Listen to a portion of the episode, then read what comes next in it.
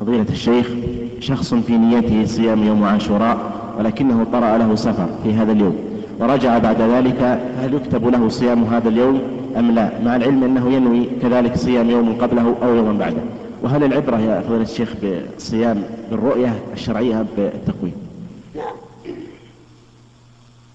هو إذا إذا كان قد نوى أن أن يصوم يوم عاشوراء ولكنه آه، طرأ عليه سفر نقول صوم وأنت مسافر ما المانع؟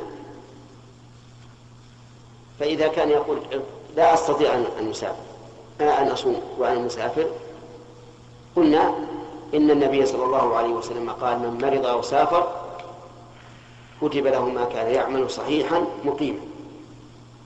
ونرجو الله تبارك وتعالى أن يكتب له الأجر. وأما سؤالك هل العبرة بالتقويم أو العبرة بالطريق الشرعي فالعبرة بالطريق الشرعي في العبادات حتى لو أن التقويم مثلا قال إن اليوم تاسع لكنه ما رؤي ليلة الثلاثين من ذي الحجة يعني ما رؤي الهلال فلا عبرة بالتقويم. ولهذا نقول هذه السنة آه، عاشوراء هو يوم السبت وتاسوعا هو يوم الجمعة. وإنني آه، أقول لكم إنه قد روي عن النبي عليه الصلاة والسلام أنه نهى عن صوم يوم السبت إلا فيما افترض علينا. قال ولو فإن لم يجد أحدكم إلا عود عنبه أو لحاء شجر فنمضى هذا الحديث اختلف العلماء رحمهم الله في ثبوته و وفي معناه. فمن العلماء من قال إنه لا يثبت عن النبي صلى الله عليه وعلى آله وسلم. يعني النهي عن صوم يوم السبت. وممن قال بذلك الإمام مالك رحمه الله. قال هذا حديث كذب. فكذبه مالك. ومن العلماء من قال إنه لا يصل إلى درجة الكذب لكنه ضعيف لشذوذه. لأنه شاذ. وجه الشذوذ أن هناك أحاديث كثيرة تدل على صيام يوم السبت. منها أن الرسول عليه الصلاة والسلام قال لإحدى نسائه وهي جويرية وكانت قد صامت يوم الجمعة قال لها أصمت أمسي قالت لا. قال أتصومين غدا قالت لا. قال فأفطري. ومنها أن قوما آه، تنازعوا في صيام يوم السبت فأرسلوا إلى أم سلمة رضي الله عنها يسألونها. فقالت كان النبي صلى الله عليه وسلم يكثر من صوم يوم السبت والأحد. والحديث الحديث الأول أخرجه البخاري وغيره والثاني في السنن. فيكون الحديث الذي فيه النهي في مقابلة هذه الأحاديث المثبتة لصوم يوم السبت يكون شاذا والشاذ من أقسام الضعيف لا يعمل به. ومن العلماء من قال إنه يمكن الجمع بينهما فيقال من قصد صيام يوم السبت لأنه يوم السبت فهذا منهي عنه.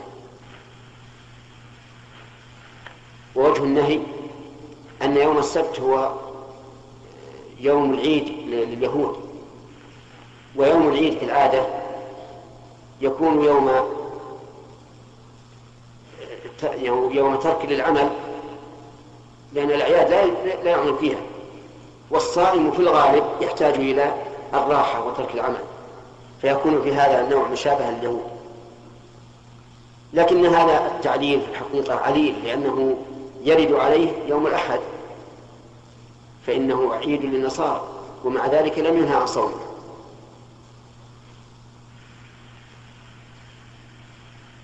والإمام أحمد رحمه الله ضعف هذا الحديث حيث ذكر أن يحيى بن سعيد كان يتقيه وكان يأبى أن يحدث به الإمام أحمد. وكون الإمام أحمد ذكر هذا عن يحيى بن سعيد يدل على أنه على أن الحديث ضعيف عنده.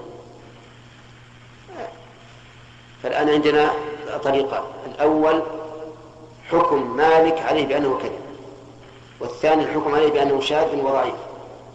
والثالث ذكره أبو داود وهو أنه منسوخ. لكن هذا الثالث يتوقف فيه الإنسان لأنه ليس هناك دليل على النسخ والنص يحتاج إلى العلم بالتاريخ. وأقرب ما يقال في ذلك أن إفراده بالصوم مكروه. يعني أن تصوم يوم السبت لأنه يوم السبت هذا مكروه. أما إذا صادف أنه يوم عاشوراء أو يوم عرفة أو صادف عادة لك بحيث تكون ممن يصوم يوما ويدعو يوما ووافق يوم السبت يومك يوم صومك فلا بأس به. أو صادف يوم السبت أيام البيض أو أيام الست من شوال أو قرنت معه غيره كالجمعة أو الأحد فكل هذا لا بأس به.